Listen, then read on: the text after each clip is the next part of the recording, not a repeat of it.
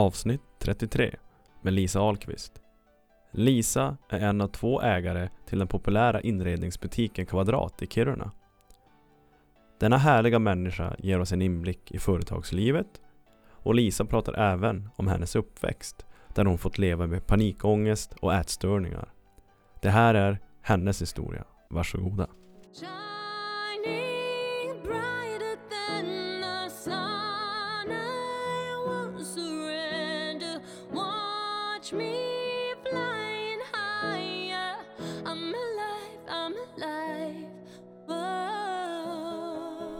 Är du redo?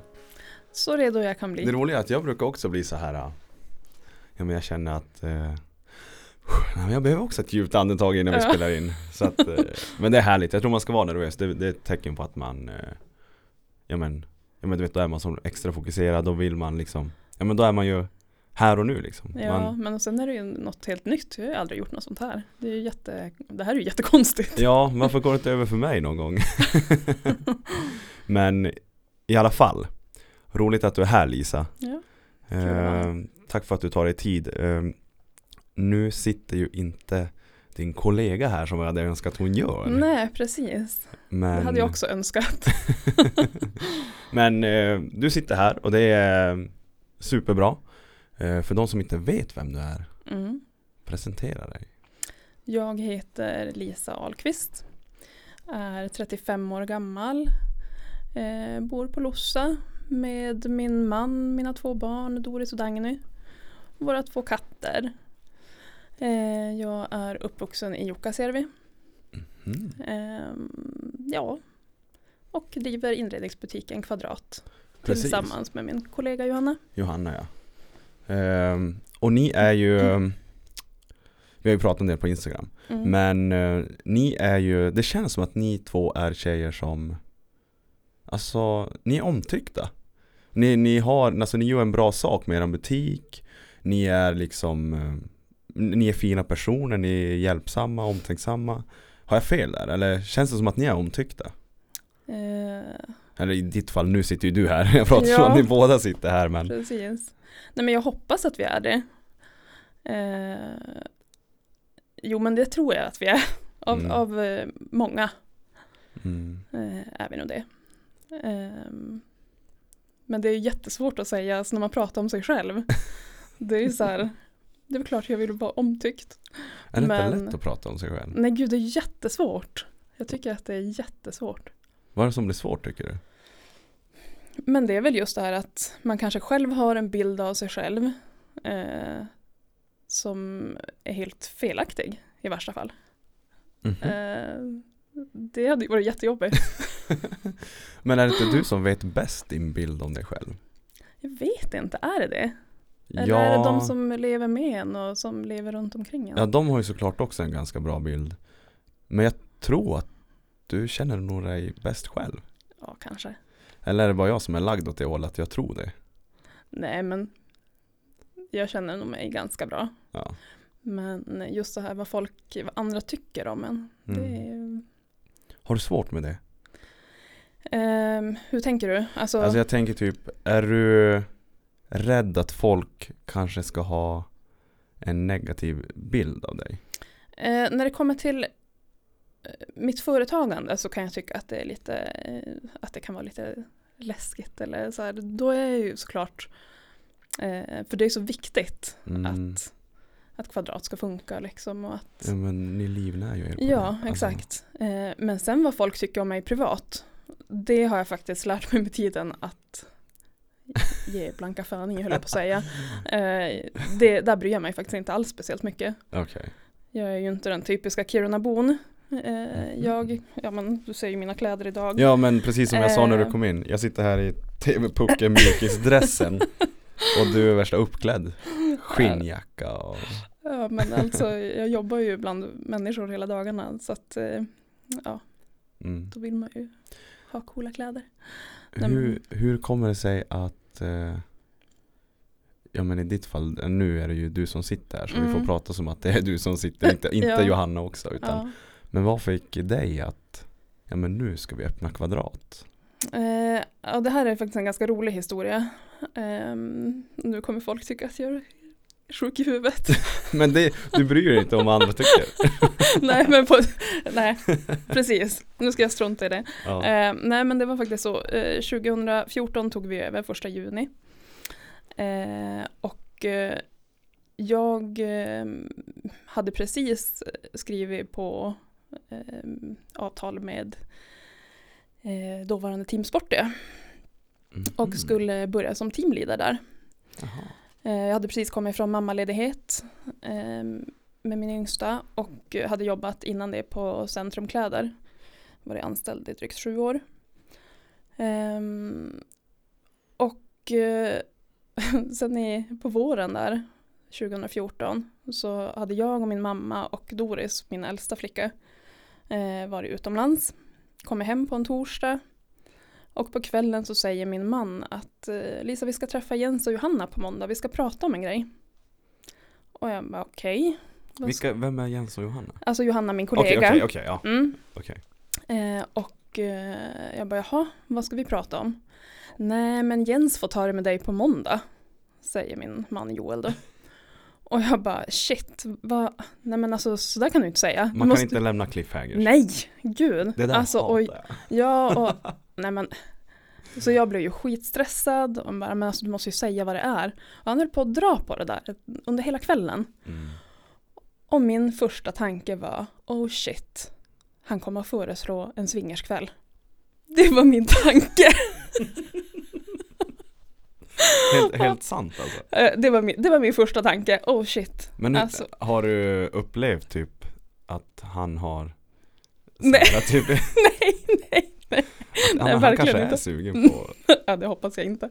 Ehm, nej, men det var min första eh, knäppa tanke.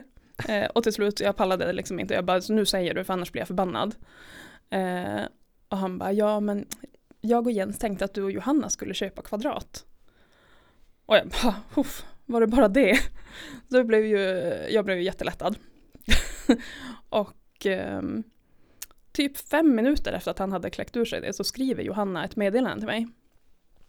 Eh, där vart det står eh, Hej Lisa, vill du köpa kvadrat med mig? Mvh Johanna Olofsson. PS, seriös fråga. Eh, för jag och Johanna kände inte varandra jättebra. Det var Jens och Joel som kände varandra. Eh, vi hade ju, alltså vi har ju barn i samma ålder. Det Mm. skiljer ju bara sex dagar mellan våra äldsta. Så vi hade ju träffats på barnkalas och lite så här parmiddagar och så. Men eh, inget annat. Vi har inte liksom gemensamma eh, vänner på det sättet att vi har träffats på det viset. Eh, men jag kände direkt bara ja, svarade jag med stora bokstäver. Mm. Eh, och då blev Johanna jättenervös. Ehm, och hon hade ju, hon hade ju jobbat på, eh, på Kvadrat innan, eh, extra.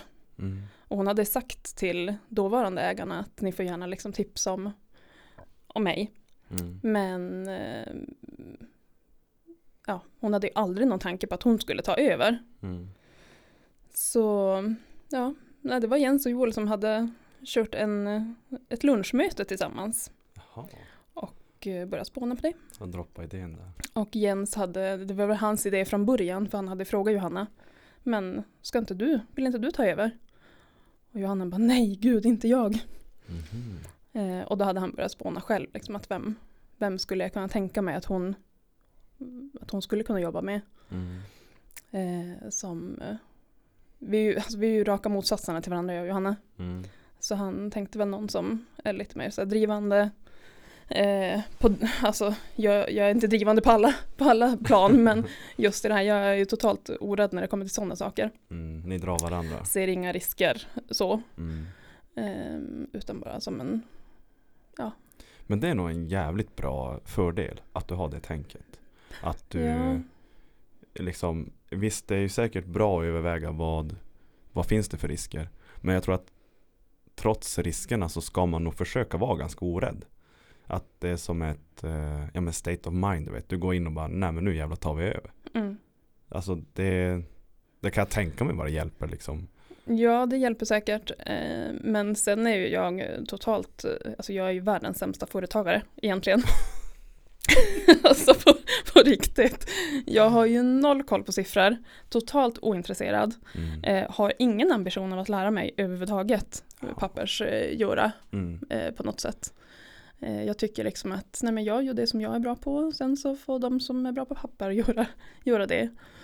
Eh, sen är det såklart kanske inte alla förunnat att kunna eh, ha råd att lägga bort det tråkiga Mm. bakom kulisserna. Men det är det ni gör nu alltså? Det gör vi Ja. och har alltid gjort. Johanna är liksom den som hon betalar räkningar och fakturerar men eh, allt annat har vi, har vi Mm. bort. Ja, intressant. Man får Mm. så här upp en bild eh, när ni typ bara sitter och garderar ihop er. Och så du anser dig vara världens sämsta företagare. Siffror, vi skiter i siffrorna. Vi öppnar bara den här jävla butiken. Ja, men jag, jag såg det som en, alltså jag har haft planer innan, Mm. alltså redan efter gymnasiet. Eh, så hade jag planer på att eh, starta eget. Mm. Då var det en smyckesbutik som jag jobbade på och faktiskt eh, fick köpa inredningen och hade liksom allt klart. Mm, butikslokal och kontakt med en urmakare och en guldsmed. Och, men sen öppnade en annan smyckesbutik i Kiruna och då fick det inte plats för mig. Så medan jag väntade på bankbesked så Nej. öppnade de och då fick jag nej från banken. Fan vad surt. Ja, då var jag inte jätteglad. Hur, hur, Men- kan du, hur hanterar du en sån eh, typ motgång? Du som är driven. Nej men alltså jag blir nog ganska låg. Jag, blir, jag kan lätt eh, älta och snöa in och bli liksom deppig. Mm. Eh, men jag tror att just där då så gick det över ganska fort. Mm. Eh, det kanske också hade med åldern att göra. Jag var ju betydligt mycket yngre då. Ja, jo precis. det är ju liksom tänkte just 15 det. år sedan. Mm. Shit. 15 år sedan. Ja. jag brukar också Sjukt. tänka, eh, nu är det 10 år sedan man tog studenten. Mm. Än längre för dig. Ja. Det är, fan vad tiden går fort. ja, det Det går så sjukt fort. Men just, och sen tänker jag också, liksom innan du berättade om Team Sportia Mm. eh, och sen Centrum Mm. och sen hålla på med, ja vad ska man kalla er? Är, kallas det inredning? Ja. Det är liksom inredningsprodukter. Det är, alltså vi är ju en, vi heter ju Kvadrat inredning och design. Ja. Eh, sen är det ju väldigt brett spektra för vi säljer ju allt från garn till presentartiklar till barngrejer och porslin. Alltså det är ju verkligen, vi har ju väldigt Ja, många leverantörer. jätte, ja, det är jättebrett. Ja. Och liksom då tänker jag från typ sport och kläder Mm. eh, till inredning. ja, plus att jag inte ens är en sportig person. Alltså jag tror ingen av mina vänner har någonsin sett mig i ett sportigt plagg. Mhm. i princip. Alltså jag, eh, visst jag har tränat ganska mycket förut men alltså till vardags så är det liksom färg och mönster och Mm. ja, som sagt skinnskjortor och knall, knalliga läppstift. Och, Mm. så jag är ju så långt ifrån liksom en sportmänniska Jaha. man kan komma. Och när jag var på intervjun där så kom jag med mina höga klackar och min, en pälskappa. Mm. Men jag tänkte liksom att nej men det får bära eller brista. Jag tänker inte låtsas vara någon som jag inte är. Mm. Utan eh, gillar de mig då får de gilla hela paketet. Men det där diggar jag så jävla hårt med, för Kimberly är ju också en sån. Ja. Hon är ju alltid så jävla snygg. Mm. Så att, eh, ja men dress for, for success liksom. Ja, verkligen. Hela tiden. Ja. Så det, det där hyllar jag. Mm. Fan vad coolt det är. Ja. Det, men kändes det rätt att liksom gå in då i Kvadrat? Liksom en helt annan bransch från kläder. ja, alltså det till- kändes nog ännu mer, alltså det kändes ju verkligen som jag. Mm. Alltså jag har alltid älskat inredning, eh, kläder, smycken, ja men alltså den biten. Mm. Eh, så att jag tror att alla som känner mig, de, de känner nog att okej, nu är hon lite mer hemma. Ja precis. Eh, även om jag såg fram emot att börja jobba där på, på Team Sporty också. För vad hade du för typ mål och, och, och drivkraft just när du, ja med Centrum, Team Sportia, gentemot typ Kvadrat? Alltså tänkte du när jag, när jag fick alltså frågan du- om kvadrat eller innan? Ja men jag, jag tänker liksom bara, ja men innan, liksom innan det blir Kvadrat. Mm. Ehm, vad, vilken Lisa var det då? Var, liksom, var ditt mål att eh, typ vara en teamleader? Eh, till nej, det, alltså från början inte. Utan jag hade ju som sagt jobbat på Centrum i drygt sju år. Jag hade ju varit mammaledig däremellan men jag hade varit anställd i drygt sju år. Mm. Eh, och trivdes superbra verkligen. Alltså, ja, på de allra flesta sätt. Eh, fick lära mig jättemycket. Eh, så att, eh, ja, jag har mycket att tacka Centrum för. Men eh, någonstans så kände jag att jag behövde utvecklas mer. Mm. Eh, att bara vara säljare på golvet, det, jag hade gjort det redan i så många år. Redan innan Centrum. Och jag kände att det måste hända någonting mer. Eh, och då när jag såg att de sökte till Team Sportia, eh, en teamleader, så kände jag att men jag söker, det får bära eller brista. Mm. Eh, jag är ingen sportig person, men jag är ganska social och jag kan sälja. Eh, så att jag, jag tänkte att men det, det lät ändå kul. Mm. För, den, eh, för när du är teamleader så Mm. det är säkert en annan uppgift än att du kanske är mer, ska du då ha hand om typ personalen mer? Eh, ja, så vara en... Nu är det nästan så att jag inte ens kommer ihåg vad, vad, vad alla mina uppgifter skulle gå ut på. Vad Men, sökte jag för jobb egentligen? eh, men eh, ja, jag skulle ju både vara säljare och sen vara med på inköp och eh, vara en liten Blir det typ som en eh, chefstjänst eller? Nej, inte chef heller vill jag inte säga, men, men en, en som har kontakt med personalen. Alltså Mm. på ett annat sätt än vad som, som styr ihop. Eh, Allting runt Ja. omkring och allt, allt möjligt. mm. Mm. Men nu på Kvadrat då, det är ändå Mm. sex år sedan, Mm. snart sju. Mm. Och liksom har det känts rätt hela tiden? Alltså jag kan tänka mig som företagare Det är mycket up and downs man, Du går in med det här med en som du knappt känner Mm. Liksom Man kanske börjar bråka det, Ja, som du sa, ni är väldigt olika Ja. Liksom hur har Eh, första året var ganska skumpig. Eh, det ska erkännas. mm, Eh, det, var, det var jättejobbigt. Eh, första två veckorna så kände jag att det här kommer aldrig funka. Varför det kommer känner du aldrig så? funka. För att vi var så olika och vi, vi, liksom, vi hade inte lärt oss varandras, alltså, man skapar ju roller oavsett Mm. om det är på ett jobb eller om det är hemma eller bland vänner. Eh, och vi hade inte hittat våra roller ännu. Mm. Och det var väldigt svårt, alltså Johanna hade ju jobbat där redan innan. Och hon var ju van vid Annie och Ankis sätt att jobba på, de förra ägarna då. Mm. Eh, Medan jag hade andra tankar. Och det är klart att det kunde bli liksom en krock. Eh, men efter ett halvår så blev det lättare. Eh, efter ett år, då blev det, Superlätt ja inte superlätt, men det blev väldigt bra. mm. Och sen har det, efter det så har det bara känts eh, Det är väl klart att det är jobbiga dagar ibland, så, men mm. vi kan ju prata om i princip allt. mm. Så har jag en jobbig dag så säger ju det till Johanna. Mm. Ja men det är nog Alltså man måste ju kunna kommunicera Mm. Speciellt när man liksom nästan lever ihop Mm. Ska driva liksom ett företag tillsammans Mm.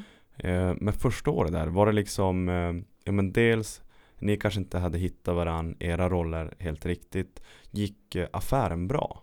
Ja, det gjorde den. Liksom, även trots att ni säljer så kändes det kanske lite skumpigt. Ja, men alltså det har ändå alltid gått bra.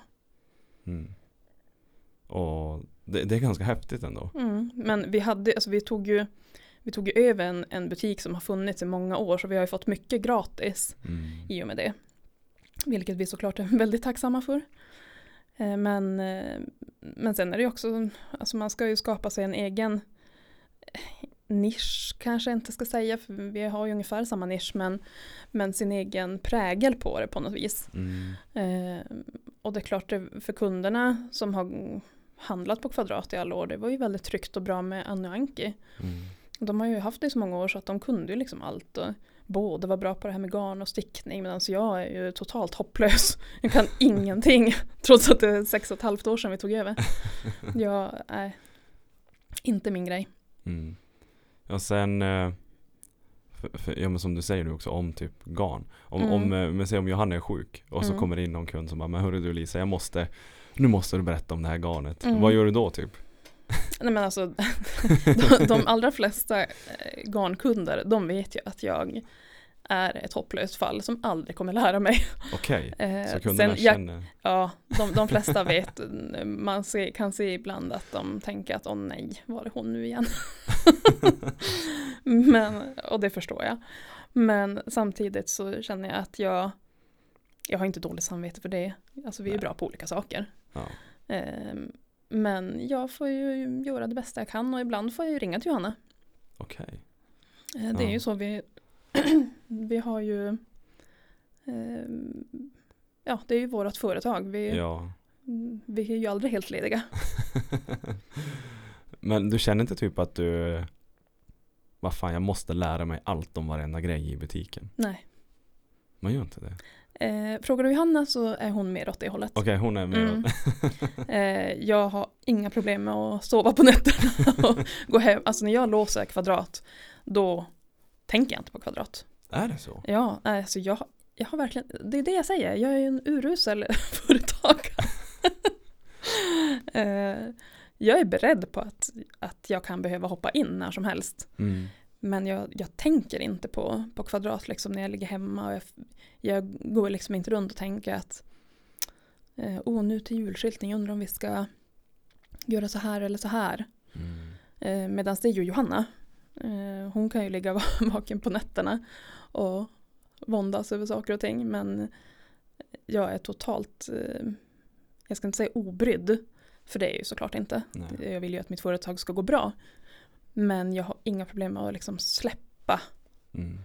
eh, släppa det och gå hem och vara bara Lisa på hemmaplan. Du släcker lampan, låser och sen är det liksom finito Ja. för dagen. Sen är jag privatperson. Så du kan inte ens Du tänker inte så här typ om man har haft en För jag själv jobbat på Telia en gång i tiden Mm.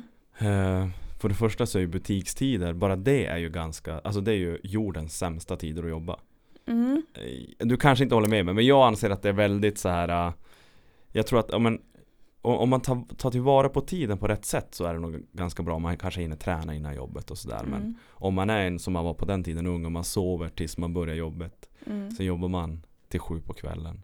Och sen bara, åh, vad fan Mm. klockan är svin mycket. Mm. Då blir det som att man inte hinner göra någonting. Men, men eh, jag ska komma till det i alla fall. Men då kan man ju tänka så här typ.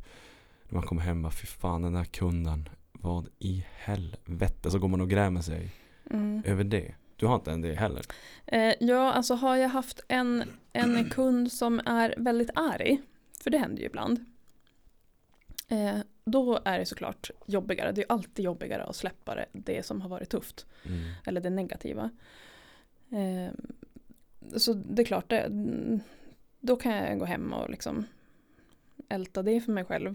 Eller med, med Johanna såklart. Mm. Ehm, och känna mig nedstämd. Men eh, annars så nej. Du är jävla härdad. Alltså jag, jag har liksom inga problem med att bara Alltså det är fortfarande bara ett jobb.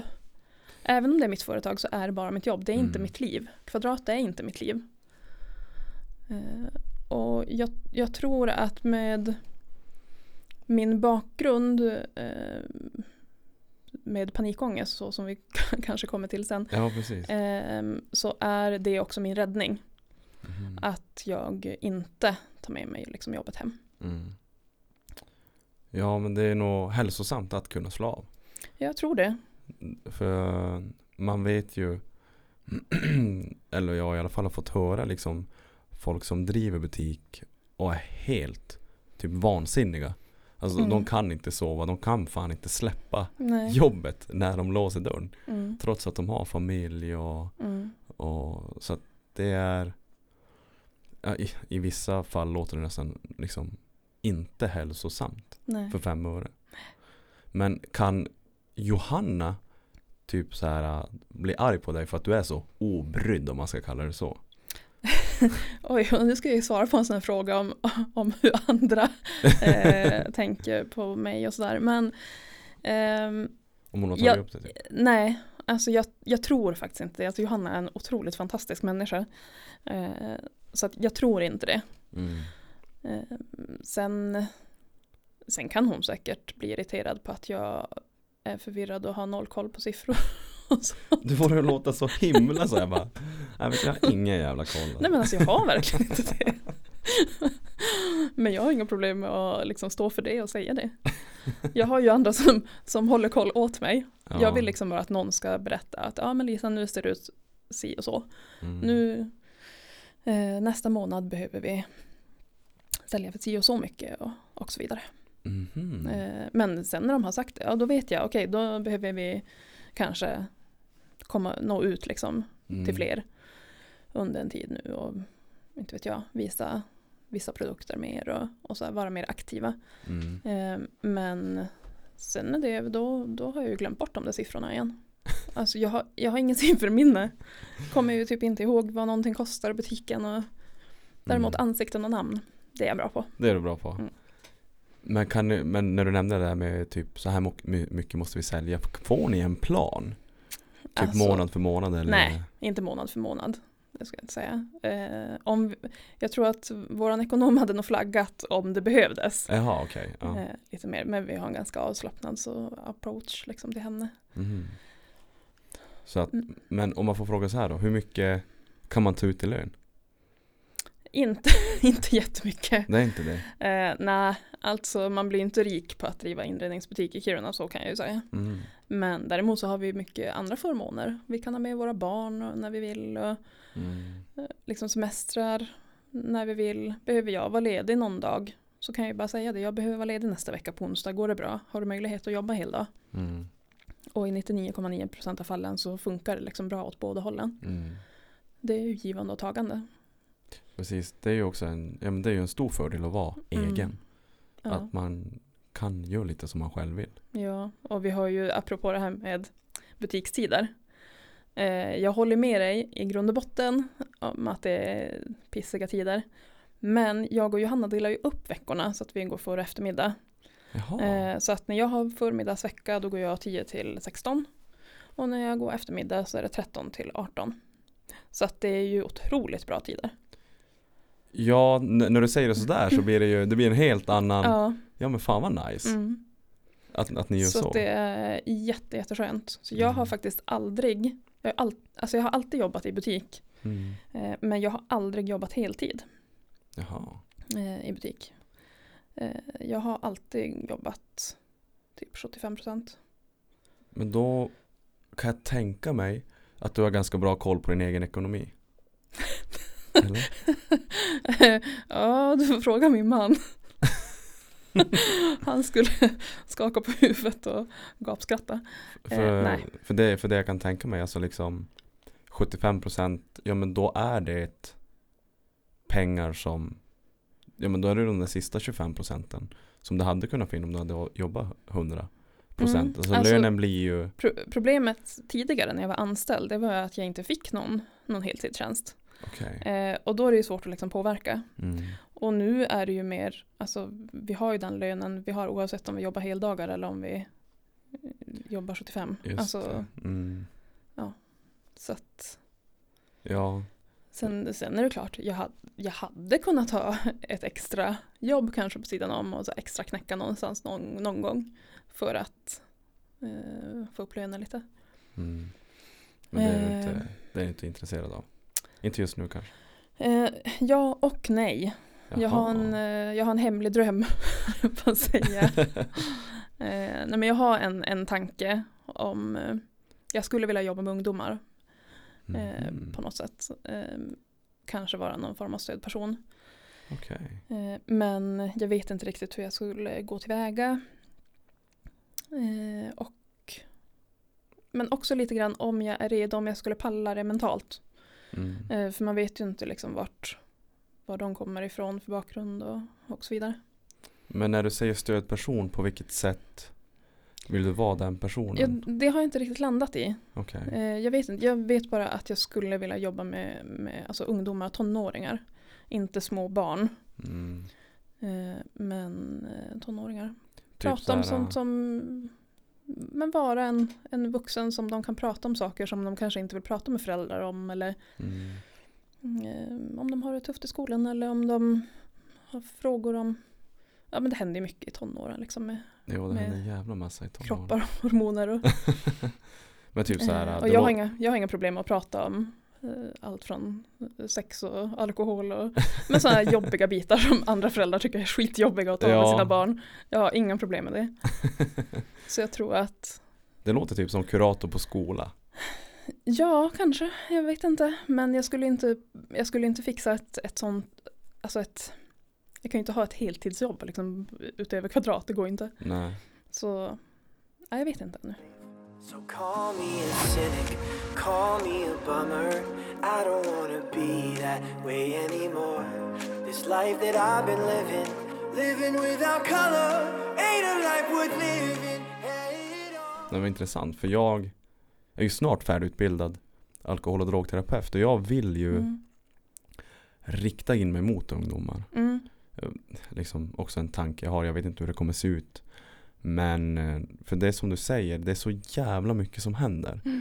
Och jag anser att ju tidigare vi kan liksom ingripa Mm. ju tidigare tror jag att vi kan påverka dem också hur framtiden kommer att se ut. Absolut.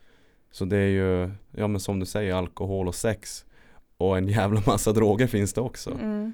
Så att det kan ju gå sju helvetes snett Ja, om de inte får vägledning i rätt tid. Precis. Men sen tänker jag också med min erfarenhet av panikångest och ätstörningar, alltså jag har ju ändå, alltså jag har ju lite egna erfarenheter, vilket jag tror Mm. också är bra. Eh, om man ska kunna prata med dem på. Men På vad var det som ehm, som grundade dig liksom eh, i, i panikångest? När, hur tidigt fick du dem? Eh, och det är ju en lång historia. Jag har haft problem med min mage sen eh, jag var, alltså alltid liksom, sen jag var Mm. babys. Eh, sen när jag var fyra så har min mamma berättat att hon första gången åkte in på, på akuten med mig för att jag hade sådana magsmärtor. Och de har aldrig hittat någonting. Eh, de, har, de har undersökt mig, de har gjort gastroskopi och koloskopi och buköversikt och tunntarmsröntgen och kontraströntgen och blodprover och allt möjligt. Eh, aldrig hittat någonting, allt har sett jättebra ut. Men jag har ju fortfarande haft sådana fruktansvärda smärtor så att jag Ja, men alltså jag har liksom förklarat det med att det känns som att det är någon som håller på att skära sig ut ur min mage. Mm. Eh, och eh, sen när jag var i tonåren eh, så började jag att eh, känna ångest. Liksom. Ångestkänslorna kom så fort jag fick ont i magen. Jag, menar, jag fick, eh, man kommer in i tonåren, man får mens och man har menssmärtor. Eh, och då direkt så kände jag att alltså jag, jag fick aldrig några panikångestattacker vid det stadiet. Men jag kände liksom den här ångestkänslan ändå komma krypande. Men sen när jag tror att jag var, var 16-17. Eh, ja, osäker om jag var 16 eller 17. Men då fick jag min första panikångestattack. Mm. Ehm, och eh, jag visste direkt att det var det. Alltså, mm, även om jag inte liksom hade någon kunskap om det. Så att eh, när folk frågar "Men hur vet du att det var det? Men får du det så vet du det. Mm. För att det det var så jäkla vidrigt alltså. Eh, och det kom ju bara från ingenstans utan anledning liksom. Hade du fått eh, vid den här tidpunkten fått reda på eh, typ vad det var som var fel i magen? Nej, och det vet jag fortfarande inte. Eh, Mm. när jag var eh, 18 eh, så svimmade jag. På, jag jobbade extra eh, på ett äldreboende. Och fick ju då min, den här magsmärtan och magsmärtan kom alltid på samma ställe i magen. Så jag visste ju att, att alltså när jag väl hade utvecklat panikångest och jag fick den här smärtan då visste jag okej nu kommer det komma inom två minuter då kommer jag ligga på golvet eh, avsvimmad. Eh, och jag, eh, jag blir sjöblöt i svett. Eh, jag behöver komma till en toalett eh, omgående. För att det är som att någon bara tar tag i mina tarmar och vrider om. Eh, så jag spyr. Jag får diarré. Jag blir, alltså det ser ut som att jag har tagit en dusch. Sjöblöt i svett. Mm. Eh, overklighetskänslor tuppar av. Eh, och det gjorde jag även då på det här äldreboendet. Eh, och de visste ju inte liksom, vad, vad det handlade om. Så de ringde ambulansen. Eh, jag blev fort till Gällivare och blev inlagd. Och eh, där jag visste ju, alltså jag hade jag hade ju liksom fått de här panikångestattackerna och visste att det var panik jag hade under tiden jag hade det. Men samtidigt så hade ju jag aldrig blivit utredd för just panikångest. Mm. Så att när jag låg inlagd på, på sjukhuset i Gällivare så hade de ju tagit massor med testar och inte hittat någonting. Och då kom en läkare eh, in på mitt rum med ett papper där vart det var, om det var 13 eller 14 eh, punkter. Och sa att alla prover ser bra ut men eh, vi har börjat fundera på om du kan ha panikångest. Jag vill att du ska fylla i de här punkterna, de som stämmer in på dig.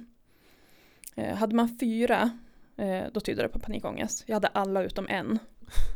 Och det var 13 eller 14 Vad, vad kunde det punkter. vara för, vad, vad är det för typ? Eh, nej men det var ju overklighetskänslor, det var alltså svimningar, det Mm. var just de här alltså kräkningar, diarré, eh, ja svettningar, allt, all, Mm. allt som jag hade. Hjärtklappning, man tror att man ska bli galen, eh, tror att man ska dö. Eh, men ja, allt det klassiska. Mm. Hur urartar det sig sen då när du liksom får det bekräftat att du har Mm. panikångest? Ehm, de, de tror ju att jag har ett nervfel i min mage. Mhm. Eh, men det läkaren sa var att för att kunna se det här eventuella nervfelet så måste de vara nere med kamera i min mage när Ja. det sker. Och jag menar det kunde ju gå månader mellan gångerna. Jag fick de här magattackerna som jag kallade det först. Så de har som börjar avta ju äldre du blir? Eh, ja, jag kommer till det. Okej. Mm.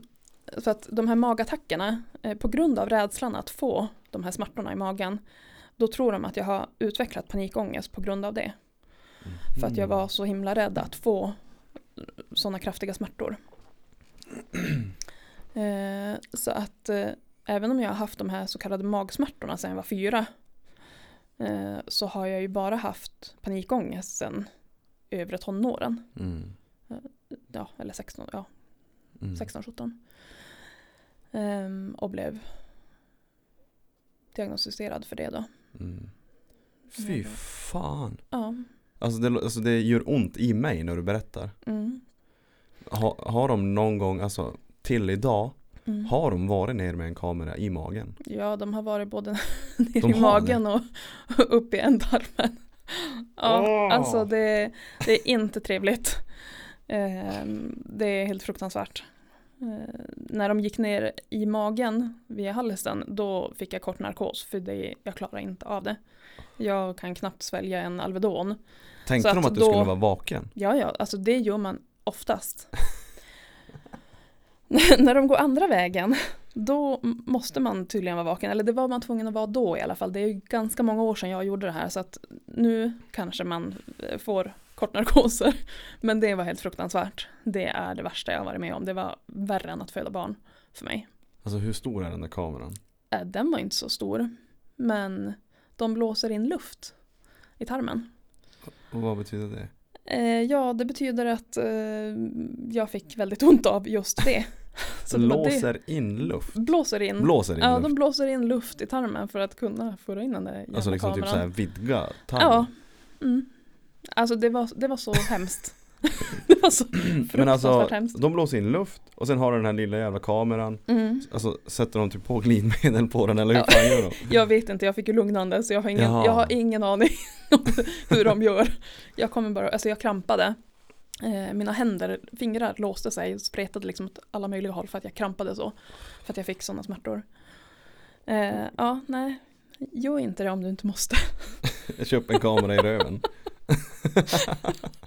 Jag sa till Johanna, jag bara undrar om vi kommer att spåra under, under den här podden. ja, du ser, redan. Men det där är ju bara någonting som har hänt Ja. Mm. Alltså det är inte så spårat Eller ja, det låter ju men helt sjukt, ju- alltså, det- men alltså, Det vrider ju sig ändå så här- arslet på mig när jag får höra det Ja, Alltså det är som alltså det, när var, det var inte kul. Men sen i alla fall när jag blev, eh, när jag fick eh, diagnosen då, panikångest, då ehm, fick jag kontakt med psykiatrin i Gällivare. mm. Och sista året på gymnasiet, jag gick ju hos, hos kurator först under typ ett år kanske. Var det hjälpande? Ja, det var det. Eh, Men sen sista året på gymnasiet, då fick jag faktiskt komma på behandlingshem i Gällivare. för att min panikångest var så svår. Mhm. Eh, den begränsade mig så pass mycket i min vardag liksom så att jag, jag behövde mer hjälp. Hur, hur eh, på vilket sätt kunde den begränsa dig liksom? Var det att du svimmade ofta eller? Ja, det kunde ju komma, alltså det kom ju när som helst utan Mm. förvarning. Eh, och eh, nej men jag började ju liksom hålla mig mm, ifrån saker som jag var rädd för. Hade jag Mm. fått panikångest på exempelvis en resa som jag och min eh, dåvarande kille var på. Då kopplade jag ihop det med flygning. Vilket resulterade i att jag inte vågade flyga. Eh, och eh, sen fick jag panikångest en gång när jag åkte bil. Då mm, höll jag på väg till Luleå med min dåvarande kille. Då vågade jag inte under ett tag åka till Luleå. För att, alltså, det liksom, jag förknippade Ja saker med som- panikångest. Mm. Ja. Eh, så att eh, det blev ju liksom begränsande. Mm. Vad eh, blev steget att läggas in på behandlingshem? Var det ditt eget beslut? Det var mitt beslut men det var mina kuratorer som jag hade kontakt med i Gällivare som Mm. föreslog det. De sa att vi vill att du ska komma till centret. Och då var det liksom under en månad men, som var tanken först. Men det blev förlängt till två månader. Mhm. Och då var det ju som, ett, som en form av eh, terapiskola skulle jag vilja kalla det. Mm. Eh, vi hade ju liksom schema. Eh, det, var, det, var, det var gruppterapi, det var avslappning, massage, bild, drama. ehm, Hur ser en dag ut på ett sånt där behandlingshem? Alltså just när det kommer till panikångestattacker. Alltså det, det, det var ju inte bara folk som hade panik. Eh, ångest, utan det- det, det var en- samlat, alltså det var folk som hade gått igenom trauman, som hade förlorat barn. Mm. Det var folk som hade ätstörningar och som hade ja, men, alla möjliga problem. Det finns några sargade själar där alltså. Ja. Om man är på ett sånt behandlingshem med liksom främmande människor Mm. eh, Blir det, jag kan tänka mig att det är alltså ganska laddat om du ändå kommer dit med ganska tunga o- panik, alltså Mm. attacker. Mm. Och sen ska du infinna dig i det där. Och sen ska du ha ett schema. Får du någon gång åka hem under den här tiden? På helgerna åkte vi hem. Okej, så det blir Mm. som en permis det, på helgen. Ja, så att eh, under veckorna var vi där. Mm. Och eh, sen fick ju, alltså anhöriga fick ju såklart komma och hälsa på. Och vi hade även, alltså då var ju jag så ung. Jag var ju bara var 18 då. Skulle fylla 19.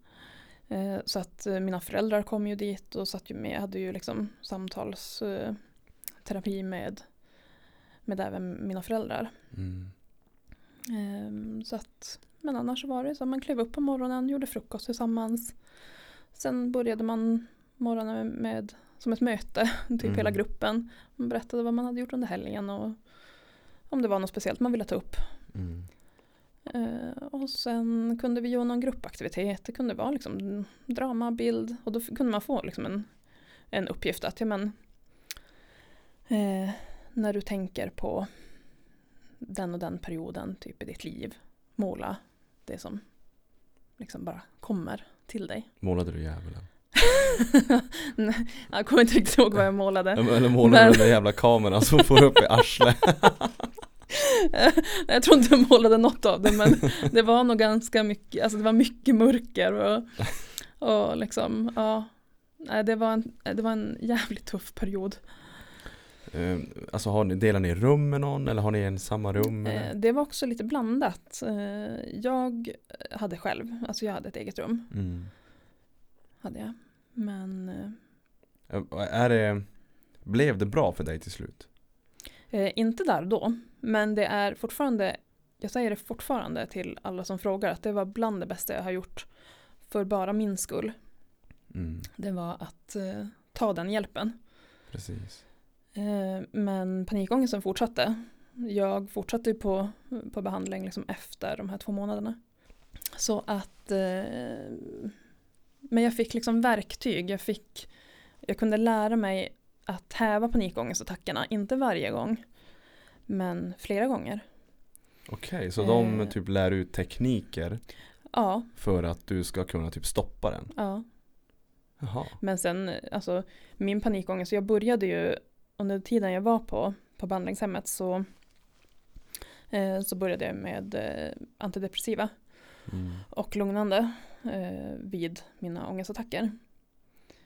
Eh, men eh, det, det blev ju liksom, i- till en början, när jag började äta de här tabletterna så blev ju nästan ångesten värre.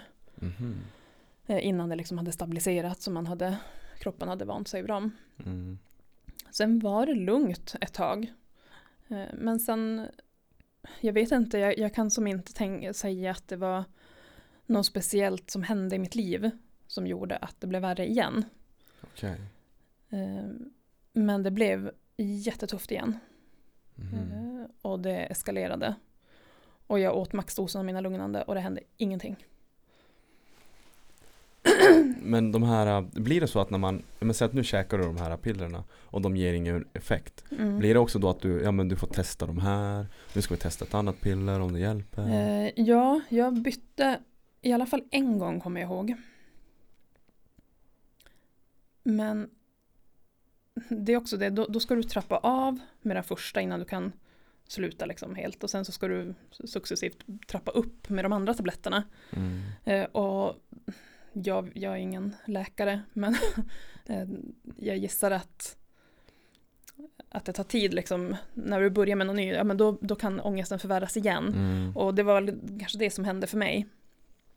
Ehm, plus att jag mådde eh, psykiskt dåligt, alltså jag, jag mådde dåligt, jag hamnade i en depression Mm. och jag, eh, eftersom jag inte kunde styra mina panikångestattacker och mitt mående eh, så blev mitt sätt att, att eh, börja styra mitt matintag vilket resulterade i att jag rasade i vikt. Mm. Jag är 1,76 och en halv centimeter lång. Jävlar vad lång Eh, du är. Ja, och eh, jag vägde 50 kilo. Eh, så att jag var jätte, jätte, jättesmal. N- När vi pratade om det också innan just om ätstörningarna, alltså Du berättade att det gick inte så långt att du kunde typ Att det var anorexia va? Mm. Men, men ändå Alltså det låter som att det är nästan på gränsen till Ja, anorexi. alltså det var ju, jag fattar ju det nu att det var, det var gränsfall. Mm. Eh, det är klart att det var det. Men jag fick hjälp i så, så pass god tid Mm, eh, med det så att jag eh, det, det väl klart att det spårade ju lite grann, det gjorde det ju. Men, men jag blev aldrig dödssjuk av det. Mm. Eh, sen har det alltid, det är klart, man blir ju ärrad av en sån liksom, grej så att det bär jag ju med mig, det får jag jobba med fortfarande ibland. Mm. Eh, min egen självbild och så. Vad är det som Vad tror du liksom utlöste just att det blev en ätstörning? Allt, liksom i hela den här bilden att, ja men nu Men jag tror att det, det var just det att jag inte kunde kontrollera eh, någonting annat. Men det Okej. kunde jag kontrollera. Det kunde liksom Det, det blev liksom mitt sätt att ha kontroll över någonting i mitt liv, med min kropp. mm. Ehm, ja, det, det är det enda svaret jag har. Mm. Hur mår du idag? Idag mår jag jättebra. Är du typ eh, helt återställd? Eh, det skulle jag inte heller säga. Eh, jag har inte haft en panikångestattack sedan jag var 22 år gammal. Sedan den dagen jag testade positivt med min första flicka. När jag blev gravid med henne Mhm. och fick veta det. Sedan den dagen har jag inte haft en enda panikångestattack. Jäklar. Mm. Att det är Så liksom, att jag, jag tror kroppen själv läkte på något sätt. har du eh. gått i liksom terapi eller pratat med, med psykologer efter Eh, det liksom? in, ja, jag har faktiskt gått hos en kurator förra året. Men på, eh, på grund av något helt annat. Mm. Eh, men eh, inte om panikångesten. Alltså, Okej. På grund av det har jag inte behövt söka hjälp. Mm. Däremot så känner jag, jag är ju jävligt stresskänslig. Okej. Eh, och jag är, eh, eh, ja men alltså just det här, de här magsmärtorna, det har jag ju inte haft efter, eh, just efter att jag fyllt 22. Mm. Men det är klart jag kan få ont i magen precis som alla andra då och då. Och jag tror ju fortfarande att det här nervfelet, om det nu är det jag har, fortfarande sitter kvar. Mm. För jag kan få eh, smärtor i magen men inte liksom i samma utsträckning. Mm. De är inte lika kraftiga. Eh, men så fort jag får det, får lite ont i magen, då känner jag ju hur ångesten liksom flåsar mig i nacken. Men jag har ju Mm. alltid lyckats häva det. Mm. Så att jag har aldrig fått någon panikattack efter det. Vad kan det vara för teknik? Det är ganska intressant. Mm. Eh, vad för teknik kunde du använda dig av för att liksom häva den här panikångesten? Eh, det kan vara små saker som att dricka kallt vatten. Eh, det kan vara att ställa sig i duschen. Eh, jag har alltid sökt mig till vatten Mm. när jag har fått panikångest. Eh, just för att vatten är lugnande för mig. Eh, så att eh, duscha, bada. Eh, men sen även sådana här andningsövningar som jag har fått. Andas i en triangel. Eh, dra ett djupt andetag in och tänka liksom på ena triangelns sida. Andas ut och sen paus Mm. på triangelns nederdel. Okej. Och fortsätta så liksom. Mm. Ehm, ja men lite sådana saker. Varför jag vill också, dels är det intressant men sen är det många lyssnare som Alltså det här är ett ganska Kanske inte jättevanligt ämne Men det finns faktiskt lyssnare som har Mm. Som lider av sånt här Ja och jag tror att det är så otroligt mycket större problem, samhällsproblem än vad vi vet om. mm. Jag tror att det är Alltså jättemånga, säkert i våra, både din och min närhet som har det, men som kanske inte ens berättar det. Mm. Eh, det. Jag kan inte riktigt förstå att det fortfarande, det är ändå 2020, att det fortfarande är ett liksom, tabu att prata om, om, om det. Men, Eh, Jag har inga problem med att säga att men herregud, jag, jag kunde svimma, spydde, hade inte jag kommit till en toalett så hade jag kunnat bajsa ner mig. mm. Alltså det var verkligen så. Men tror du eh. att det är tabu? Eller är vi bara dåliga på att prata? För det känns som att det blir bättre och Det är bättre klart det blir bättre, absolut. Men, eh, nej, tabu kanske är fel ord. Men det är fortfarande eh, många som inte törs. Och man, man, när man lever med panikångest så känner man ju sig som att man är ensam i världen. Du, du, du tror ju att du är lite smått galen. Eller Mm. jag trodde i alla fall det. Och jag vet att när jag har skrivit om det här på, på min Instagram och så här, jag får alltid folk som kommenterar. mm. Eh, som delar mina upplevelser och, och som tycker att det är så otroligt viktigt att vi pratar om det mer. För eh, dels ser ju samhället ut annorlunda nu än vad det gjorde Mm. när du Mm. var tonåring. Och eh, men jävlar vad halsen Jag kan tänka mig, du har ju pratat hela dagen. Men sitter jag här. äh. ja, vi bara, det är inte corona, jag lovar. Nej det är, det är inte corona, det är bara vinter typ. Ja. Nej, men eh, eh, alltså det känns som att det kan, jag tror att det är så här att vissa kanske inte vet vart de ska vända sig. Nej. Och sen tror jag också att när man är sjuk i det så orkar man inte heller ta reda på det. Mm. Man orkar inte liksom, vem, var ska jag vända mig? Ska jag vända mig till psykiatrin direkt? Ska jag gå via, eh, vad heter det, hälsocentralen? Precis. Ehm, och ja, jag tror att det är mycket det också. Min tanke där är också att om man inte vet liksom eh, Alltså Första anhalten behöver ju inte vara en psykolog. Mm. Det kan ju vara din mamma, din pappa, en ja, vän. absolut. Att, ja. alltså, men bara man tar det där första klivet och Mm. liksom våga erkänna eller Mm. våga öppna upp sig och säga att Alltså fan jag mår inget bra. Nej. Och, och, och då har man ju satt igång processen. Ja. Och då tar man sig vidare lite lättare tror jag. Mm. Men det, sen om jag har rätt eller fel, men, men jag är ju för att vi ska våga prata mer, våga öppna Mm. oss mer. Mm. Så att eh, de flesta har ju faktiskt bra föräldrar som lyssnar på sina, sina barn. Exakt. Eh, så att eh, ut med det bara. Mm. Ja. För hur gjorde du liksom, ja du blev ju, ja men, jag det fel men typ eh, undersökt liksom. Ni tog, du togs ju in på, på Lassa tidigt. Mm. Och, och sen då i tonåren, alltså liksom, ja. vad var ditt första steg för dig? Eh, nej men det var eh, Just när jag kom till en kurator då var det ju faktiskt inte den här incidenten som jag berättade om när jag, när jag hamnade i Gällivare. Mm. Utan då var jag på ungdomsmottagningen.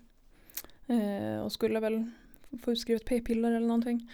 Eh, och då frågade eh, barnmorskan som jag, som jag träffade frågade att eh, hur är det med dig annars? Och av den frågan så bara bröt jag ihop totalt. Ja, mm. Eh, för att min mamma eh, hade svåra sömnproblem eh, och hade gått in i väggen totalt. Och det var jätte, jättetufft.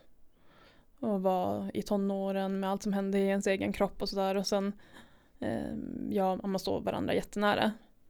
Så att, att se henne liksom eh, bara ja, förtvina är väl kanske lite hårt men, men alltså hon mådde jättedåligt. Mm. Och eh, jag fattade nog inte riktigt hur dåligt jag mådde eh, av att hon mådde dåligt. Mm. Så när den här barnmorskan frågade mig då hur jag mår och jag bara, alltså det var ju inte någon som hade frågat mig det. Eh, Så då bara brast jag ut i gråt. Och hon bara, men herregud du måste ju få komma och prata med någon. Så hon såg till att jag fick komma till en kurator. Mm. Och eh, som jag gick hos innan jag kom i kontakt med eh, psykiatrin i Gällivare. Ja, ja, precis. För det var efter den här incidenten då när jag hade svimmat på jobbet. Men då blev du på något sätt typ räddad?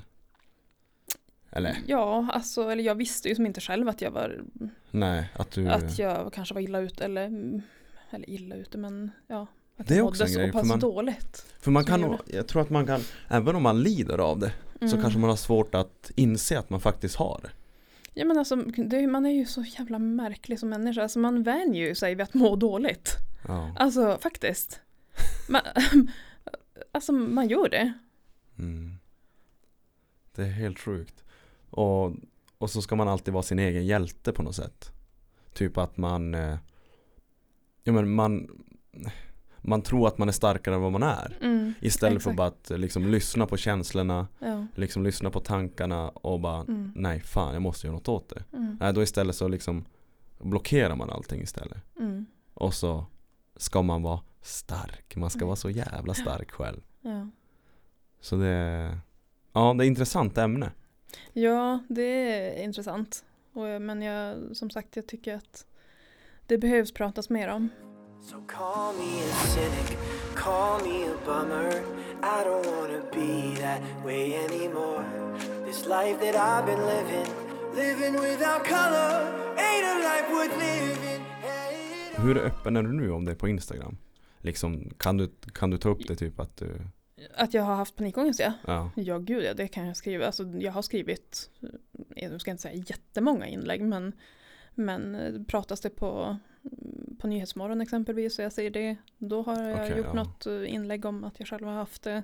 mm, Eh, om jag har en dålig dag, om jag har känt ångesten flåsa mig i nacken, mm, då kan jag skriva om det. mm, Och jag, alltså, alla som känner mig vet ju att jag har haft det. Prat, alltså, jag har inga problem med att prata om det. ja men, men det, är- det är så bra. Mm. För en tanke som också slår mig det är det att Ja men om du och jag, om vi leker med tanken att vi är på en fest och så får du en panikångestattack. Då Mm. kanske jag bara Vad fan gör jag nu? Hon håller på att dö. Ja. Alltså vad ska jag göra? Ja. Vad, vad gör man när man är i ett sånt skede där man Liksom hur hjälper man dig? Alltså det är jättesvårt att svara på för att ehm, Ska man bara ju- ringa ambulans eller? Alltså egentligen nej.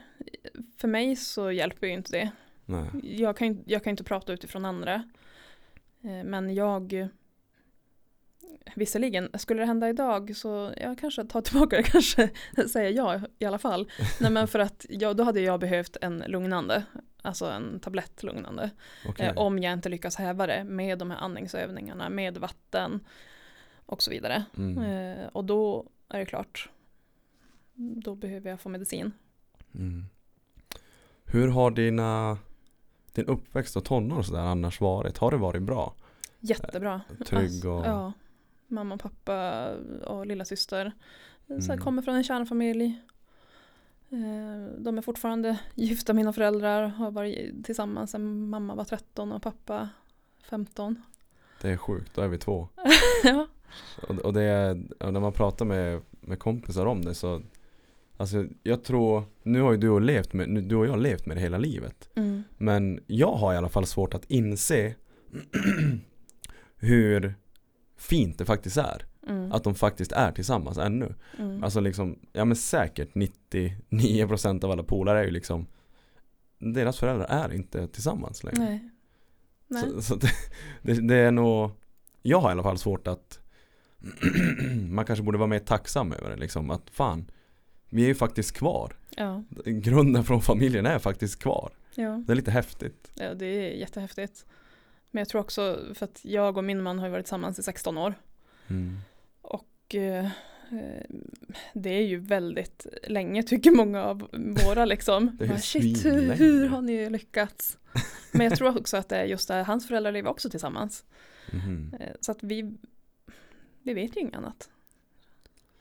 Det, det där är också så jävla häftigt att För nu för tiden är det så Jag kommer just från tre års förhållande Mm, Så och det, bara det känns ju för fan som en livstid. Mm, Men eh, det som är idag tror jag det är det att man Det är så jävla lätt att byta partner. Istä- och, och sen är vi som På något sätt funtade att vi ska inte Om det blir tufft i ett förhållande Så ska vi inte Försöka lösa det utan vi ska bara Vi har våran stolthet och vi ska fan inte vika ner oss Mm. liksom Det är alltid den andras fel Man Mm. ser inte sig själv på samma sätt som man kanske gjorde förr i tiden Så att nu är det som att istället för att bygga upp någonting Alltså min hals Istället för att bygga upp någonting nu Liksom jobba för det med vad är problemet Man pratar eh, Liksom Man sätter sig ner Man sväljer sin egen stolthet Okej vad fan är problemet? Nu måste vi Mm. ta tag i det mm. Istället för att göra det, då är, du vet, då är det som att ah, men jag loggar in på Tinder, jag loggar in på Snapchat, just jag hade ju en gammal kontakt här jag låg med förra året. Du vet, men du fattar vad jag menar. Alltså fan, jag jag tänker bara så här, alltså jag hoppas att eh, Joel aldrig eh, går bak i ryggen eller träffar någon annan. För jag kommer ju vara hopplös. Jag har ju, jag har ju noll koll på Alltså Tinder, hur fan gör man där? Jag kommer ju att swipa åt fel håll. alltså jag, jag är sånt jävla eh, hopplöst fall när det kommer till teknik och nej men alltså det fanns ju inte knappt, fanns ens Facebook när jag och Joel träffades, jag vet inte fan, ja kanske. Nej, alltså, det, alltså inte 16 år sedan. Jag jag tror jag skaffade Facebook typ 2010. ja. Och då var det så här, då var det typ polaren när jag spelade hockey i Luleå, då han bara Men fan du måste ha Facebook. Ja. Och jag var sådär Nej för helvete, jag har inte tid att ha Facebook. Du vet, vi, vi kommer ju ändå från en uppväxt där vi inte haft telefoner Mm, eh, eller sociala medier. Så jag var Mm. bara såhär, vad fan ska jag ha Facebook för? Jag är lite old school av mig, men då så fick jag Facebook. Och sen har man ju som bara med tiden växt in i det här tror jag. Mm. Jag som typ för det mesta har varit singel, då har det blivit att man Jo men det är ju Ja nu för tiden är det Tinder. Det låter Ja. helt sjukt att säga. Istället för att liksom Ja men som förut, man Ja vad fan gjorde man? Man gled epa med varandra och man träffade någon Polaren hade någon tjej som hade kompisar och på så sätt började man liksom Man fick varandras nummer och, Ja. Så att nu är det bara Arran efterfest. Det var typ, Ja, fick ett nummer. fick ett nummer Ja. Och hur jävla Det kändes så jävla nice att få det där numret Mm. Men nu är det så här Man swipar, jaha match, swipe, match, match Alltså man Det är som att man får ett nummer En gång i timmen eller någonting, man är helt avtrubbad ja, nu, Alltså jag, jag, jag, jag, kan ju du- här, jag, jag sitter här som ett levande frågetecken och har ingen aning. Säkert. Men tror du att du hade skaffat Tinder om du blev singel? Oh, det är alltså jättesvårt att svara. Ja, alltså jag är inte emot det. Så att eh, jag hade bara fått gå en, en kurs. Men hur är du som singel då? Är alltså, du... Det är så jävla länge sedan så att jag har ingen aning. Alltså, jag var ju inte, jag var ju, herregud jag var ju ett barn höll jag på att säga. Eh, nej men jag var ju tonåren Ja, när och jag då var är singel sist. Så att eh, det, Går nog inte att jag kan, jämföra nej då. jag kan inte riktigt svara på den frågan. Vet inte. För det också ser man mycket det, Jag som själv är DJ på Royal Är eh? Ja jag är det. Nu Mhm. är det inte så mycket spelningar eftersom att det är Nej. corona Men, och det kan man också se, man För det första så är det ju typ för det mesta Det är ju samma folk varje helg eh, Inget fel med det, de gillar att festa och kul Mm. Men sen har vi de här utstickarna, typ mammorna är typ så här, ja, men Det kan vara allt från typ 35 till 50 års åldern Som Mm. typ nyseppade Och så får de för sig att nu jävlar, de kommer från ett långt förhållande Nu jävlar ska jag ta igen det jag missade På ett sätt, eh, du får göra precis vad du vill av ditt liv Mm. Men det känns på något sätt tragiskt Du vet, även, men säg då att eh, du Lisa, du, när du blir singel om f- liksom om några år och sen Sa du när jag blir? Eller ja, om men, jag om, blir? ja, men Vi leker med tanken bara Ja. Och så ska du få för dig att börja gå ut varje jävla helg och ragga på de här äh, små hockeypojkarna eller För att nu, du har ju Du har ju inte fått uppleva de här roliga åren För du har ju haft barn tidigt och kille tidigt ja, är det tidigt? 22? Nej, Jag var 20 Ja. Det kanske inte är tidigt Men det är ju ändå en tid, ja men när typ leker man När leker man av sig? Typ från det att man är 15 till typ Ja vissa slutar ju aldrig leka av sig Nej, så är det ju. Men, Det är ju, det är ju ytterst individuellt. men typ, säg typ eh, 15 till 25 Mm. Jag menar, har man inte varit där på krogen Eller varit i Alanya och festat en vecka eller varit på studentresa Då kanske man vill ta igen det när man blir singel när man är 30-40 Ja, men jag hade ett halvår när jag, när jag, fick, när jag var singel.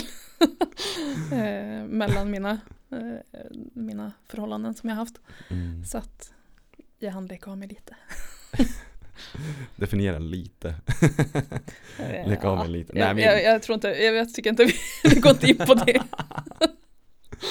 Och sen är det så här också Om man liksom Många gillar ju att ligga, så är du singel så ju bara ligga, ligg hur jävla mycket du vill Ja. Varför ska man bli stämplad som en jävla player?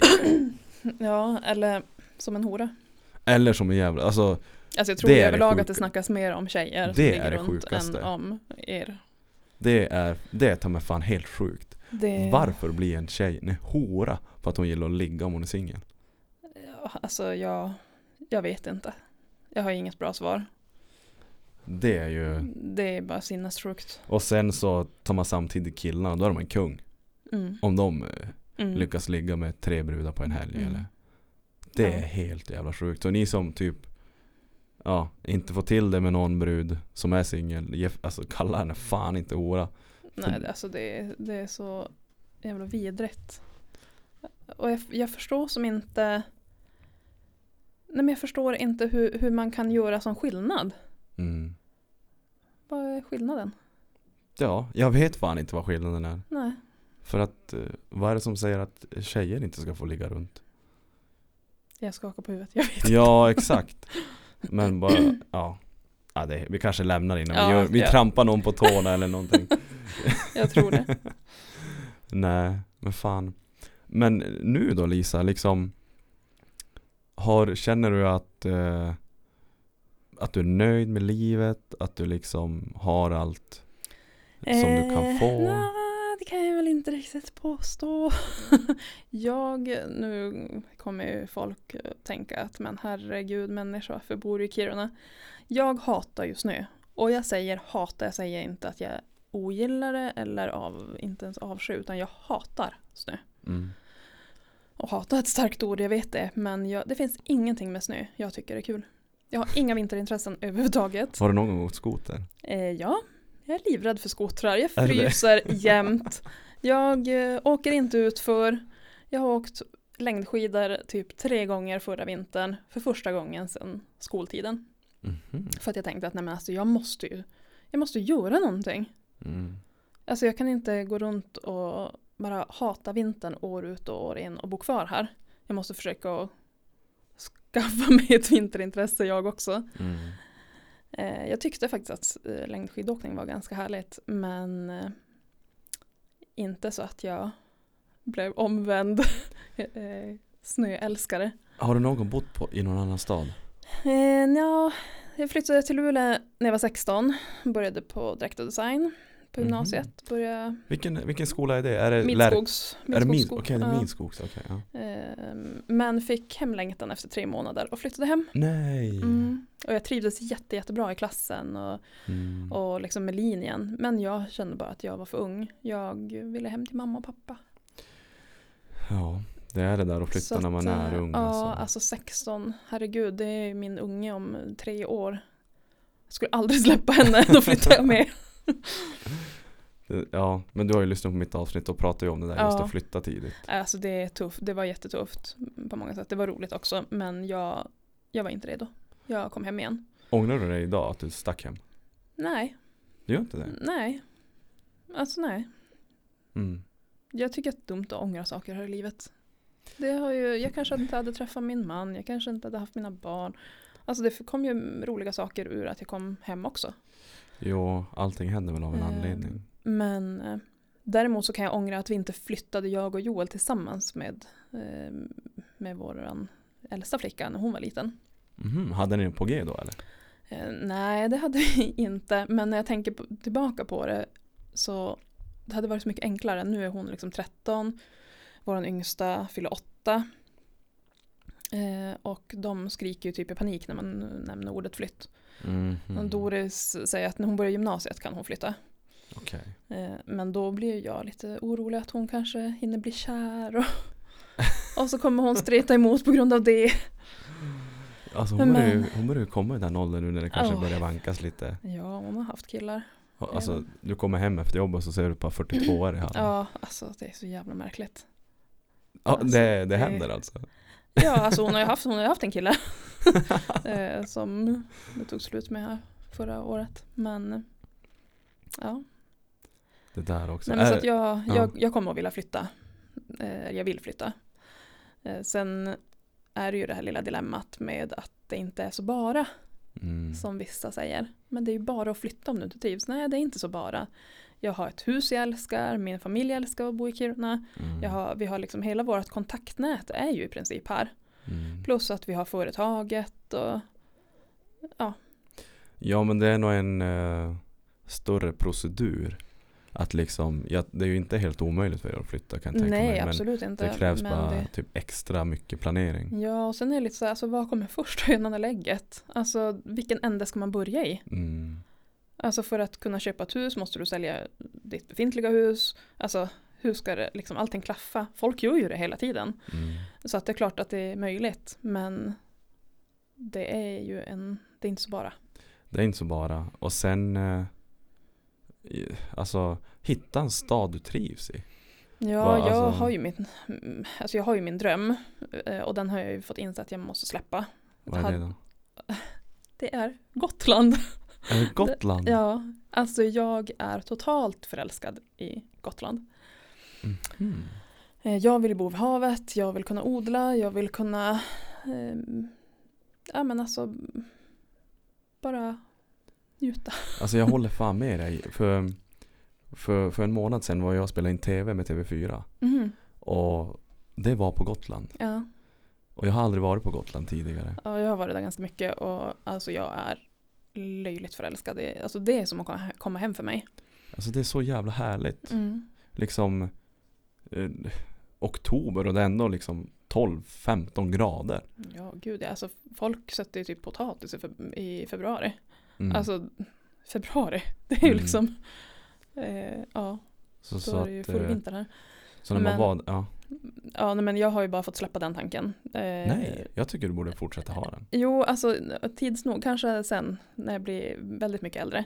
Men jag har ju då en man som älskar att åka utför. Ja, okej. Och det blir ju lite problematiskt på, på ön. Eh, Det är lite platt. Jag har sagt, men du kan ju surfa. Men inte riktigt samma sak.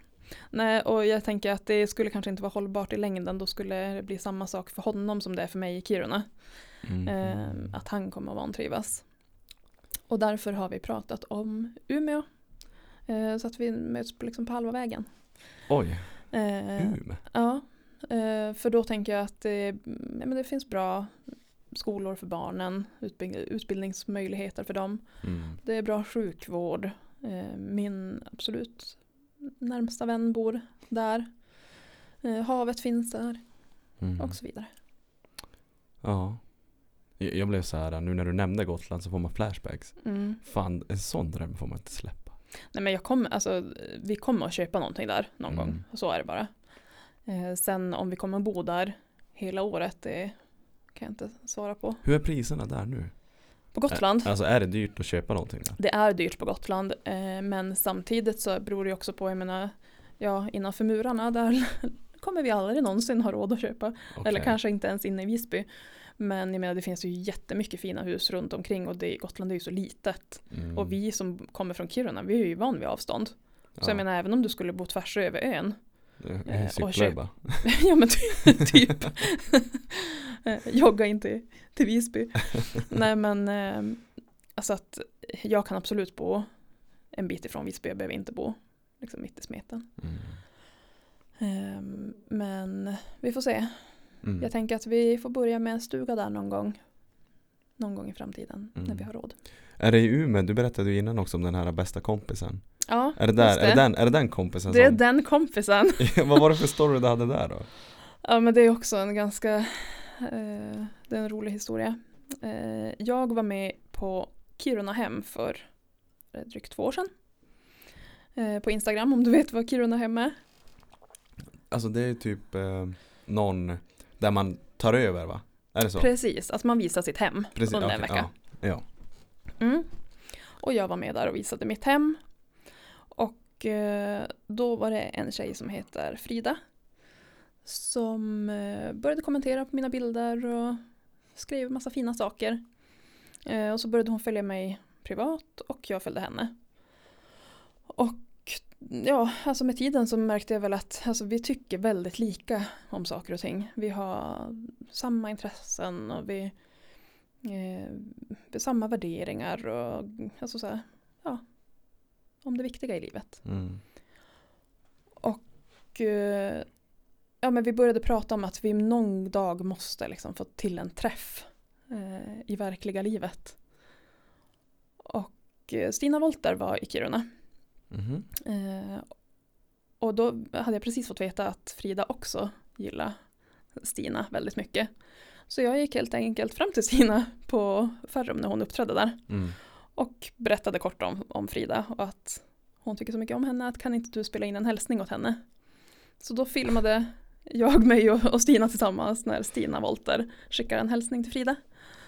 Mm. Eh, och eh, på den vägen var det. Sen eh, frågade jag henne typ i november, december kanske. Eh, för, vad blir det nu då? Två år sedan. Eh, om hon ville följa med till Luleå en helg med mig och eh, titta på Hampus Nessvold när han skulle ha sin show där. Mm. Och jag hade, alltså jag hade planerat att åka dit med mina tjejkompisar härifrån Kiruna. Men eh, ja, av någon anledning så blev det inte av. Och då tänkte jag att men nu är det ett tillfälle för mig att fråga Frida. Eh, och hon blev livrädd först. Men det sa hon inte till mig då. Mhm. Men hon sa ja. Så typ dagen efter så bara svarade hon att vi gör det. Vi bokar en, vi bokar en dejt. Vi hade aldrig träffats innan. Eh, Men hör till saken är att jag för några år sedan, eh, jag är inte mycket för eh, så här, nyårslöften, men för några år sedan så, så skapade jag ett nyårslöfte som jag har hållit varje år sedan dess. Mm. Och det är att jag ska bli lite mer som barnen och vara så här, hej du verkar kul, ska vi leka? Får jag bli din kompis? Vad heter du? Fan vad bra löfte. Eh, ja, och det är det enda nyårslöfte som jag har varje år. Eh, Mm. Och eh, Frida var liksom första eh, personen som jag verkligen tänkte att nej men alltså nu frågar jag henne för jag tycker att hon verkar vara en sån fantastisk människa. Mm. Och eh, ja, så vi åkte till Luleå. Eh, hon bor ju då i Obbola utanför Umeå. Mm. Jag åkte till Luleå, kom dit lite, ja, någon timme innan henne. Var skitnervös, det kändes som att jag skulle på en riktig dejt. Ja liksom. men jag hör ju verkligen att det jävlar var laddat. Ja, och mm, alltså hon har fyra ungar, har inte varit liksom på några så här egna resor Mm. eh, innan. Och så bokar hon en, en resa med mig som hon aldrig har träffat. Mm. Vi, liksom, vi, vi bodde i samma hotellrum, i sam, sov i samma säng och hade Mm. aldrig träffat varandra innan.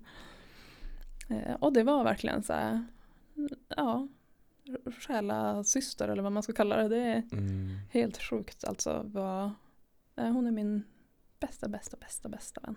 Det är sådär, det där är så jävla fint. Mm. Att- att man, eh, det är inte många som upplevt det där och inte heller vågar uppleva det där. Nej. För det, alltså jag älskar att träffa nya människor. Och, och sen blir det sådär, när man drar lite åt samma håll. Som du sa också, ni är ju Mm. liksom, ja men som systrar liksom. Och, och ganska lika. Mm. Då blir det som att, men inget kan gå fel. Nej. det Alltså men det var som att eh, det var meningen att jag skulle träffa henne. Ja. Alltså det, det var meningen. Så det, det, där löftet ska jag ha. Ja, Jag ska jag fan tycker- spela in, jag ska ja. spela in en podd med dig på nyårsafton och så ska vi prata om löften. Ja. Så, och du som har lite erfarenheter av det där. Mm.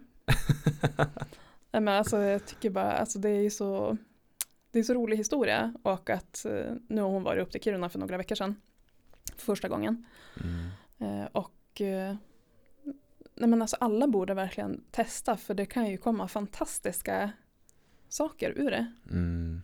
Det är ju Frida för mig ett bevis på. Ja, och jag lite, jag har lite samma historia för jag När jag bodde nere i Örebro och spelade hockey där så Jobbade jag åt någon liten elfirma. Och den här elfirman, vi var inhyrda åt ett byggföretag. Jag gjorde utedass, Danfo, de gör ju alla utedass. Mm. Så vi drog elen i dem. Och då på den firman var det typ, eh, ja men Gubbar som jobbade. Jag jobbade själv. Så att jag hade som inte, jag, det var en helt ny stad, storstad Örebro. Och kände väl typ, men knappt grabbarna i laget, vet det var så nytt. Mm. Och sen, eh, ja men typ första eller andra veckan på den här, på den här firman då som vi var inhyrda åt. Så glider det upp en stockholmare. Ja fan tjena, låter som att du är från Lappland.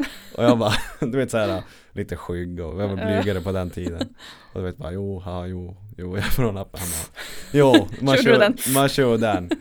Och eh, jag är så jävla glad att han gick fram till mig och liksom Mm.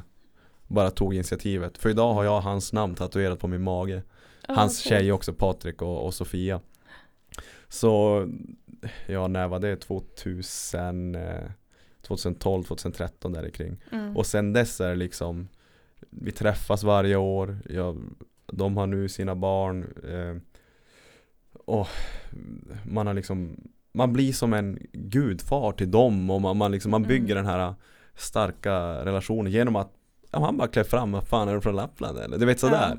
Och sen så bygger man någonting, helt främmande stad, främmande människor Och sen bara, ja, klicka svinbra Mm. Så att man ska fan inte vara rädd att Nej, och jag tänker alltså Det är klart att vissa skulle säkert bara eh, Vad är du för psykfall? Mm. Typ. Men jag tänker att de som är värda att behålla, de stannar. Så är det ju Och det har verkligen blivit så, och det är så Mm. skönt Mm. För det blir det sån där, man kanske inte behöver prata varje dag Men man vet att när man ringer så jävla lyssnar de Alltså Mm. om det är någonting eller Om man Mm. vet att om jag ringer och säger att jag ska Komma ner till Stockholm, ja men de har flyttat dit nu eh, så, Och då är det som att, ja men vad fan, kom och bo här Du vet, alltså det är alltid, Exakt. man är en familj Ja. Så det Det måste fan Ni som hör det här, ta tag I att träffa nya människor Det är så Verkligen. jävla Ja, härligt alltså det är verkligen så kul. Utforska Ja. det, alltså, vad, vad fan kan hända? Nej, Det är, som att, det är som att fråga en brud på en dejt Vad är det värsta som kan hända? Du kan få ett nej Ja, So what? ja precis.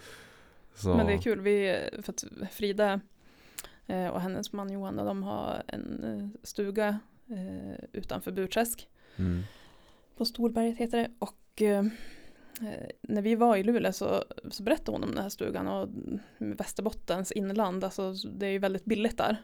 Och jag hade ju länge haft en dröm om att köpa en stuga. Eh, Hade Mm. inte min man haft, men det är en annan historia. Eh, och så sa jag till henne, men om du hittar, om du ser någon stuga som, som blir till salu som är så här jätte, jättebillig. mm, Så kan du inte skriva till mig då eller ringa? ja. Eh, ja, absolut. Och det där tog hon ju fasta vid. och det dröjde inte länge. Alltså vi var i Luleå i mars. Och typ i maj eh, så hörde hon av sig och bara, det är en stuga. Bara, det var typ åtta minuter från dem. Mm. Eh, och vi köpte den. Ja, se där Så att eh, vi är ju med dem på somrarna. Ni har kvar stugan också Yes. Fan vad, vad fint, jag blir så Mm. glad att höra sådana där Det är som Ja, en alltså det, är, det är verkligen som en kärlekshistoria. kärlekshistoria. Och det är verkligen, alltså, jag kan bli så här, jag kan komma på mig själv med att tänka på Frida och bara eh, så, sitta och fånle och fnissa. För jag tänker på, ja men när vi var i Luleå och var lite ja, runda under tassarna. Runda under tassarna Drack eh, lite mycket vin kanske. Prosecco, är det favorit? Eh, en av dem ja. Det är det? Ja. Jaha Mm. Dricker du mycket annars? Ja Alltså men dricker typ- mycket. Alltså men jag tänkte typ så här, är du Ja men Du har mycket vinkvällar och så här eller? Alltså jag älskar vin. Eh, jag älskar även att samla på fina, fina vinflaskor. Jaha. Eh, men inte så att jag liksom dricker varenda Nej, dag. det kanske så låter folk, fel, eh, jag så ställer så folk- jävla raka frågor. Dricker du mycket eller? Ja, nej, jag dricker inte. eh, Jag dricker ofta kan jag säga, men väldigt Ja. lite. Mm. Eh, Jag tycker inte om att bli full. Jaså? Nej, alltså lite så här salongsberusad kan ju vara härligt någon gång, men inte bli full. Ja, du låter ju verkligen inte som en Kirunabo. Eller hur? Nej men alltså jag tycker inte om att, och, så att man liksom tappar, så att jag inte har kontroll på vad jag gör. Och, alltså det är bara obehagligt. Jag gillar inte det. Nej. Nej Men jag det- älskar ju att ta ett glas vin till maten. Eller så här, sitta i soffan och kolla Mm. på en serie och Mm. hälla upp ett glas. Det är mysigt. Det är ganska skönt, så sover man gott sen. Eller hur? Man blir lite så här varm om kinderna. Exakt. Det är, det är mysigt. Fan vi sitter och pratar som, nej inte alkisar, främjar. Kommer Dores kompisar och bara, har din mamma alkoholproblem? eh, nej, jag har inte det. Jag lovar och svär. Annars hade du inte haft jag ser- jag- butik. Eh, nej, det hade kanske varit tufft. Mm. Ja. Nej, men eh, om jag får fråga dig så här då Lisa. Mm. Om, eh, med, med allt du har berättat idag, och om, eh, om du skulle sätta din prägel på livet, om du skulle ge lite tips och tricks till folk som bara, men oj, vad ska jag tänka på? Typ, vad? Kring Ha- livet i allmänhet tänker du? Jag tänker bara livet Men kring alltså, allmänhet. Det finns, alltså, med, som exempel, typ så här, work hard. Typ. Mm. men alltså du vet vad jag menar. Men, om, men med dina ord, vad kan du säga liksom? Alltså jag skulle bara säga kör. Gör, det Ja, som precis. du vill och som du mår bra av. Ehm, var inte rädd för Mm. att liksom testa. Oavsett om det handlar om företagande eller flytta. Jag kommer att våga flytta. Eh, Mm. Och jag vågar att testa och ha företag. Och det är kul. Mm. Ehm, Ja. och man är- behöver inte vara proffs på ekonomi Nej, det är ju så jävla bra. och kunna bokslut. Det finns folk som kan hjälpa dig. Det, det där Det är, är det så bästa. jävla bra att du säger för att vi alla är ju, alltså man är ju alltid grön i någonting och eh, man kan inte ha de kraven på sig att man ska kunna allt Nej. timma ett om man blir egenföretagare. Utan jag tror att man brinner för någonting så kommer det komma av sig själv. Det kommer att lösa sig. Mm. Man får fan inte ge upp bara. Nej.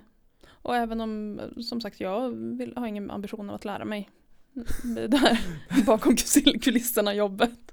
Men det har ju gått bra i sex och ett halvt år ändå. Om, Så- om, du, om du hade kommit till det läget Mm. där det liksom är do or die. Du måste lära dig siffrorna. Hade du gjort det då? Jag tror inte det. Du hade För, nej, alltså jag, jag hatar siffror. Typ lika mycket som jag hatar snö.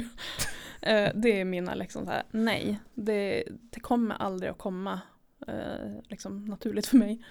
mm. Eh, och nej, då tror jag faktiskt att jag hade, då hade jag klappat igen Mm. Min del. Då hade Johanna fått köpa ut mig. Gjort något nytt. Eh, då hade jag gjort någonting annat. Mm. Alltså så, ja, nej. Mm. Eh, kan du min sista fråga? Och vad var det då? Eh, vart jag ser mig ju- själv om fem år. sånt Ja, där. ja men precis. Vi har, du har ju pratat lite grann om framtiden men Ja. om, om du får svara liksom rent på den frågan. Om fem år, vad gör du då? Då bor jag i Umeå. Kanske i Obbola till och med. Jävlar, det är eh, ganska vid smart. havet. Mm. Eh, jag är någon form av säljare. Mm. Jag tror inte att jag har egen butik.